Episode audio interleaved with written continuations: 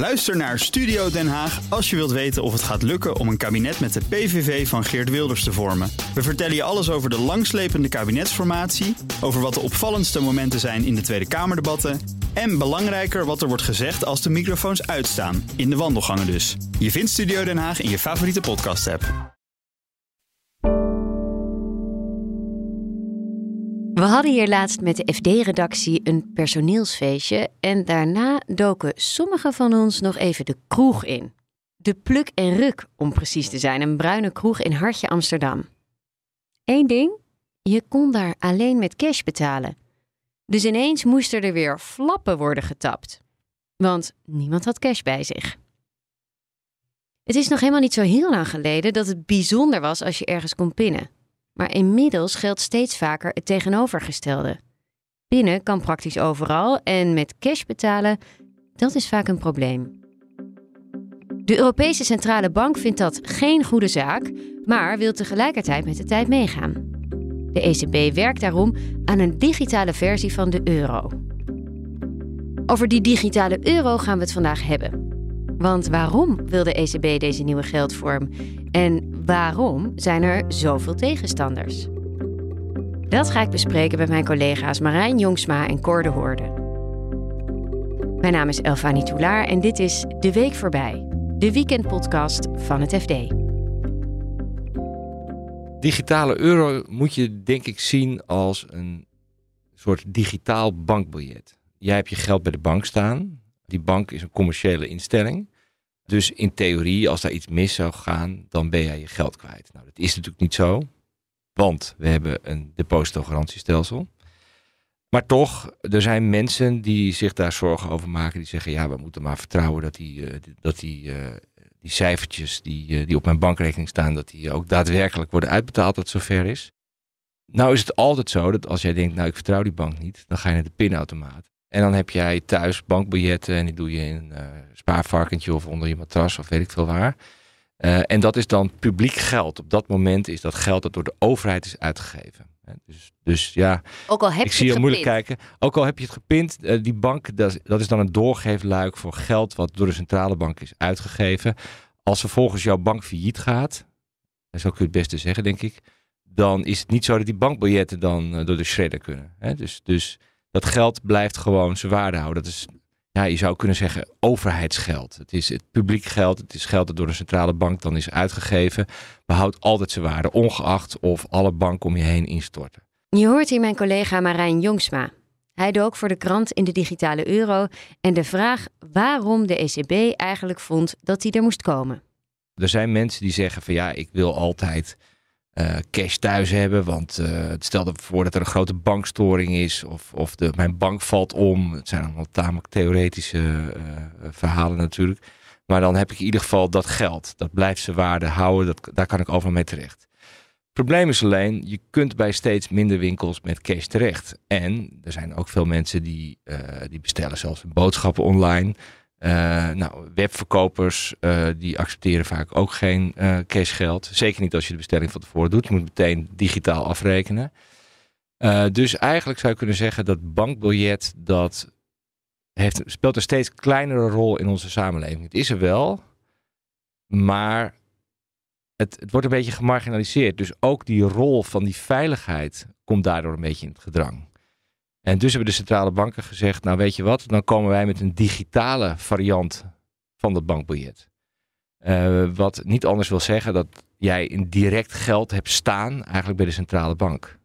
Dus het maakt niet uit wat er vervolgens met jouw bank gebeurt. Jij kunt altijd bij dat geld, want dat geld staat bij de centrale bank. En hoe kom je daar dan bij? Ja, en dat maakt het zo, uh, zo moeilijk te begrijpen, denk ik. Het gaat namelijk wel via je gewone bank. Want de centrale bank heeft die infrastructuur helemaal niet. Die, die, die hebben ook geen loketten. Die, uh, die, die hebben niet uh, uh, ja, de, het gereedschap om het grote publiek te bedienen. Dus wat die centrale banken zeggen is van, nou, commerciële banken, jullie moeten dat uitvoeren. Dus waar komt het, waar komt het dan op neer?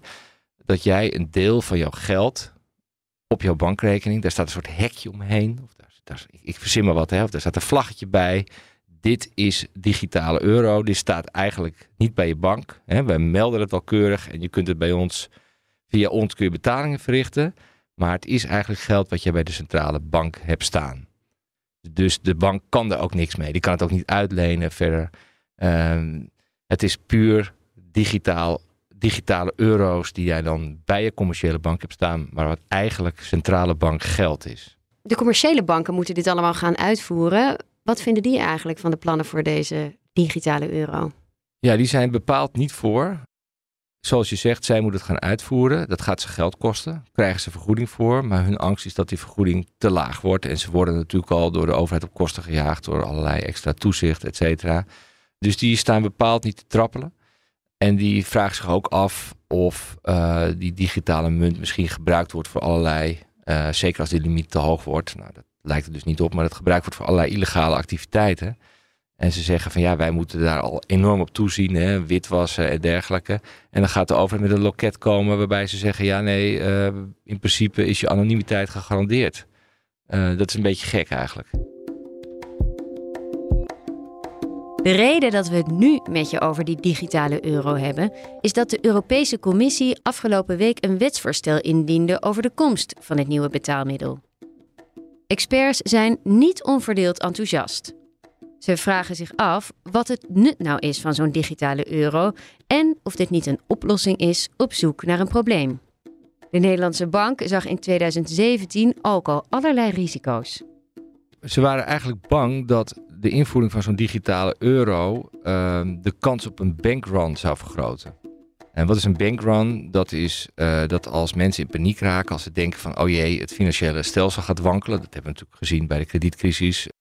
Dat mensen denken, ja, als mijn bank gaat omvallen, dan moet ik er tijdig bij zijn. Misschien kan ik straks niet bij mijn geld, dus ik ga naar de bank toe en ik ga geld pinnen. Nou, als iedereen het gaat doen, dan zijn er te weinig bankbiljetten en dan komt zo'n bank in grote problemen, et cetera. Ja.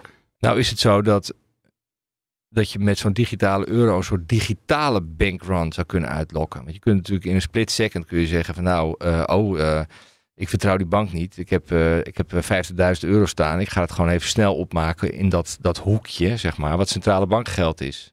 Ik maak het over naar mijn centrale bankhoekje. Ja, precies. En, en, en als die, die drempel heel laag is en de limiet onbeperkt, uh, dan, dan zou je dus in een, in een soort uh, split second, zou er heel veel geld uit die bank kunnen vloeien.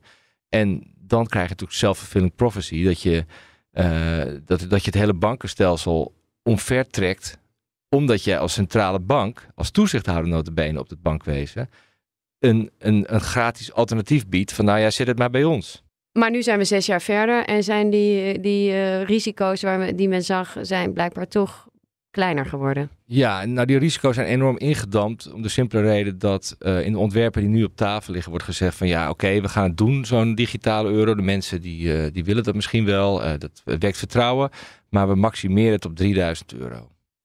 Dus of je nou een miljoen of twee miljoen op de bank hebt staan, je mag maar 3000 euro bij de centrale bank stallen. En je kunt natuurlijk afvragen of het dan allemaal nog wel zoveel zin heeft. Maar goed, dat is ook precies de kritiek van veel mensen. Maar dat betekent ook dat het risico op een bankrun veel kleiner is. En ik moet trouwens bijzeggen, want je zei net die, die, die, die omzwaai bij de Nederlandse bank, die is inderdaad wel opmerkelijk. Hè? Dus eerst zien ze het als gevaar en later gaan ze zeggen, nou daar gaan we aan werken. Dat heeft ook, ook te maken met dat in 2018 Facebook zei: wij gaan met een eigen munt komen. Uh, de Libra. Nou, die is er overigens nooit gekomen. Maar dat was wel iets waar centrale banken zich nou enorm zorgen over maakten. Die centrale banken maakten zich helemaal niet zo zorgen om, om, om, om de rol van de bankbiljetten. Dat zeggen ze wel. Maar ik denk dat ze zich in de eerste plaats vooral zorgen maakten over het feit dat misschien hele grote multinationals, Amerikaanse bedrijven, met eigen munten gaan komen. En dan kan je zeggen, ja, prima toch, laat ze lekker aan de gang gaan. Maar dat betekent natuurlijk dat je als centrale bank uh, controle verliest. Want nu bepaal jij de geldhoeveelheid, je bepaalt hoe, hoeveel mensen kwijt zijn als ze geld lenen. Als er andere partijen opstaan die misschien ook wel geld gaan uitlenen en, en dat mensen elkaar gaan betalen in zo'n Libra, dat betekent gewoon dat jouw rol steeds, steeds kleiner wordt en ook jouw invloed op de economie. En dat wil dus natuurlijk voorkomen. Er zijn landen waar ze al met zo'n digitale munt vanuit uh, de centrale bank werken. Hè? Ik geloof op de Bahama's notabene en in Nigeria. Nigeria en China. In China is het een proef. Ze doen het in een paar steden, geloof ik. Maar dat zijn miljoenen steden. Dus dat, dat zijn geen kleine, kleine proefjes natuurlijk. En hoe werkt het daar? Uh, eigenlijk in alle drie gevallen uh, slecht. Uh, in die zin dat uh, de consument pakt het helemaal niet op. Om verschillende redenen. Ehm, in China heeft de overheid dit vooral gestart omdat ze de macht van grote techbedrijven wat willen inperken. Heel veel betalingen die verlopen via grote techbedrijven. En ze hebben zoiets van ja, wij moeten zorgen dat die bedrijven niet te machtig worden. Dus wij komen met een alternatief. Maar de Chinezen die zijn daar zo aan gewend en het werkt zo goed dat ze eigenlijk geen deuk in een eh, pakje boter slaan. Uh, dus dat is China. Uh, dan Nigeria en de Bahama's was de beweegreden een ander. de overheid wilde daar digitale munt ook gebruiken om het zwarte geldcircuit een kopje kleiner te maken. Dat is enorm in die landen. Hè. Dat betekent dus dat er ja, de belastinginkomsten laag zijn. En ze dachten, nou, als we nou iedereen kunnen verleiden met die digitale munten te gaan betalen. In plaats van met cash. In plaats van met cash. Hè, en dat verkopen we dan als we nou enorm makkelijk, weet je wel, veilig en, uh, en snel. Uh, en in de tussen kunnen we dan precies zien wat iedereen aan het doen is. En dat betekent dus ook dat mensen dan eerlijk moeten zijn over wat ze verdienen en, en netjes belasting moeten betalen. Maar ja, je snapt natuurlijk wel, die mensen denken ook van ja, uh, dan wacht ik maar wat langer op mijn geld. Dan is het maar wat meer gedoe, alles beter dan, uh, dan die belasting betalen. Dus dat slaat niet aan. En daar blijkt ook wel uit dat zo'n digitale munt alleen maar succes, een succes kan worden als mensen daar ook zelf beter van worden, als ze daar het nut van, van inzien. Zodra het vaag is, of sterker nog, dat ze erop achteruit gaan, ja, waarom zou je het dan gebruiken? Het voorstel ligt dus nu nog bij de Europese Commissie. Toch is onze Tweede Kamer er ook al druk mee bezig, ziet Koordehoorde die voor het FD Politiek Den Haag volgt. Eh, in Nederland heeft het veel meer aandacht dan in de meeste andere parlementen. En dat heeft ja, ik denk te, ik denk te maken met uh, die George van Houts eigenlijk. Die, uh, die met zijn campagne Ons Geld uh, die acteur. geleden begonnen is. Ja, die acteur. die met zijn campagne Ons Geld begonnen is. Omdat hij er toen achter kwam wat iedereen die economie heeft gestudeerd eigenlijk al lang wist. Namelijk dat, uh, dat het meeste geld gemaakt wordt door commerciële banken. Nou, daar kwam hij toen achter. En uh, tenminste, dus zo, bracht hij het alsof het een soort complot was. Gewoon, ja, dat was zijn eigen onwetendheid. En toen is hij gaan pleiten voor publiek geld. Nou, je zou zeggen, een digitale munt, dat is publiek geld. Maar ja, nu heeft hij zich juist weer tegengekeerd. Want ja, wat is het nadeel van, van publieke dingen, van overheidsdingen? Dat diezelfde overheid kan jou ook in de gaten gaan houden. Heeft Nederland er eigenlijk nog wel wat over te zeggen over hoe en wanneer deze digitale euro er komt? Want het is natuurlijk uiteindelijk gaat het om Europese wetgeving. Inderdaad, eh, dus het antwoord is eigenlijk nee. Eh, maar ook weer ja, in de zin van. Uh, elke Europese wet moet ook naar de Europese Raad, waar dus alle Europese ministers zijn. En, en dan heeft Nederland geen veto op dit punt. Dat, dat, geldt alleen voor een zeer beperkt aantal onderwerpen. Maar eh, Nederland is wel dus eh, aangespoord door een eh, overijverige Tweede Kamer. Is nu al bezig met het smeden van coalities. Via die route eh, kun je natuurlijk heel veel invloed uitoefenen. Maar uiteindelijk is het geen Nederlandse wet. Hij komt niet in de Tweede Kamer ter goedkeuring voor te liggen. Hoe ziet dat, eh, dat debat in het Europese parlement er dan uit? Gaat dat eindeloos duren? Of over heel veel eerlijk te zijn heb ik daar nog helemaal geen beeld van. Omdat eh, ja, in Nederland is het een heel gedoe. En, uh, ja, en de rapporteurs hebben dus al in beeld gebracht hoe het buiten Nederland speelt. Nou, niet heel erg. Dus ik vermoed dat dat in het Europees Parlement ook zo zal zijn. Dat daar dus ook maar zeer beperkt aandacht uh, voor is. Kijk, het is natuurlijk, die digitale euro is een heel ingewikkeld onderwerp. Hè, en veel mensen snappen totaal niet waar het over gaat. Die denken, ik heb al digitale euro's, want, want ik heb een online bankrekening ja, wat dus niet zo is. Uh, dus dus um, de, heel, deze discussie wordt al heel snel gekaapt door uh, mensen die er een hele speciale mening over hebben. En, de rest denkt, ja, als we het helemaal uitgelicht hebben gekregen wat het is, zeggen ja, laat maar, probeer maar iets of zo. En, en, en dus, dus je, als de, de mensen die vocaal zijn, zijn de mensen met een, met een scherpe mening hierover. En ik, dat zou zomaar kunnen dat dat straks in het Europees Parlement ook gebeurt. Het onderwerp is gewoon te ingewikkeld. Nou ja, de Kamerleden zeggen ook in dit interview met jou: dit is. Um, ja, of misschien wordt het zoiets als de chipknip, weet je wel, waar je zonder pin kon betalen, wat eigenlijk helemaal niet werkte. Of, um, zegt Kamerlid Heijnen, in potentie is dit de grootste financiële innovatie van deze tijd.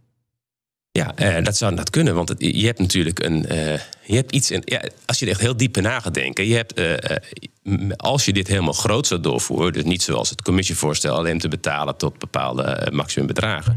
Maar je zou dit helemaal groot doorvoeren. Dan heb je eigenlijk voor een groot deel de banken niet meer nodig. Behalve om geld uit te lenen. Dan, dan krijg je dus een hele andere instellingen. ja, als je dat gaat invoeren. dan ja, dat, dat, is nogal, um, dat, dat is nogal vergaand. En dat moet je echt zeker weten dat je dat echt wil. Want dat is nogal wat. Um, want ja, je, alle nadelen kan je zich wel herinneren, maar de voordelen die, die worden als vanzelfsprekend uh, aanvaard. Dus ja, um, dus, dus in potentie is het heel wat. En dat is ook even de reden waarom je zegt als, als middenpartijen zegt van nou ja, laten we dan in ieder geval op, op de bagagedrager blijven zitten. Een beetje weten hoe het gaat allemaal. Dus in potentie heeft het uh, enorm veel in zich. Maar het kan dus ook als een nachtkaars uh, uitgaan. Dat kan ook nog. Of deze digitale euro nou een mislukking of een succes zal worden, moet de toekomst uitwijzen. Want er kleven wel degelijk ook voordelen aan. Stel je voor, je hebt inderdaad zo'n saldo bij de centrale bank. En uh, we komen weer in een situatie terecht waarbij de economie instort. Er werd wel vaker gespeculeerd van eigenlijk zou je mensen moeten uh, stimuleren meer uit te geven. Dat doen ze dan met lage rente. Maar eigenlijk zou je helikoptergeld noemen ze dat dan. Geef iedereen 1000 euro. Maar het gevaar is natuurlijk als iedereen 1000 euro geeft, dat ze toch weer op een spaarrekening zetten. Nou, met uh, een digitale euro zou je in theorie, en, en, technisch is dat prima mogelijk, zou je kunnen zeggen, nou weet je wat, we geven u allemaal 1000 euro. In je digitale portemonneetje. In je digitale portemonneetje. Uh, over een maand is het weg. Dus je moet het uitgeven. Nou, ik denk dat iedereen rent naar uh, de mediamarkt of dat café op de hoek. En dan krijg je dus dat zo'n economie wordt aangezwengeld. Uh, omgekeerd zou je het kunnen afromen. Ik denk dat de mogelijkheid daar wat, uh, wat minder groot is. Uh, maar digitaal geld biedt in theorie natuurlijk ongekende mogelijkheden voor je monetair beleid. Maar ja, ik, de ik stok denk dat en de wortel. Een, ja, dus een brug te ver lijkt mij. En, en zo wordt het ook zeker niet verkocht, moet ik met nadruk zeggen. Nee. Um, komt die er? En zo ja, wanneer? Uh, de schattingen zijn uh, dat het pas in 2027 gaat gebeuren. Of hier komt, uh, ik weet het niet. Maar ik, ik leef wel mee met de critici die zeggen: uh, voor welk probleem is dit nou eigenlijk een, een oplossing? Dat is mij ook niet volledig duidelijk. Zeker niet omdat gekozen is voor een hele beperkte variant. Maar aan de andere, andere kant. Uh, als het klein is en het is in staat om een soort vertrouwen te wekken, ja, baat het niet als schade. Dit was hem voor deze week. Dankjewel voor het luisteren. In onze app vind je al het nieuws over de digitale euro, centrale banken en de Nederlandse politiek. Ik ben te vinden op Twitter, Elfanie. En je kunt natuurlijk ook altijd een mail sturen naar podcast.fd.nl. We vinden het erg leuk om van mensen te horen. Redactie en montage waren in handen van Ilse Eshuis, Yilda Bijboer en van mij. Muziek is gemaakt door Visionair Ordinaire. Een heel fijn weekend en graag tot volgende week.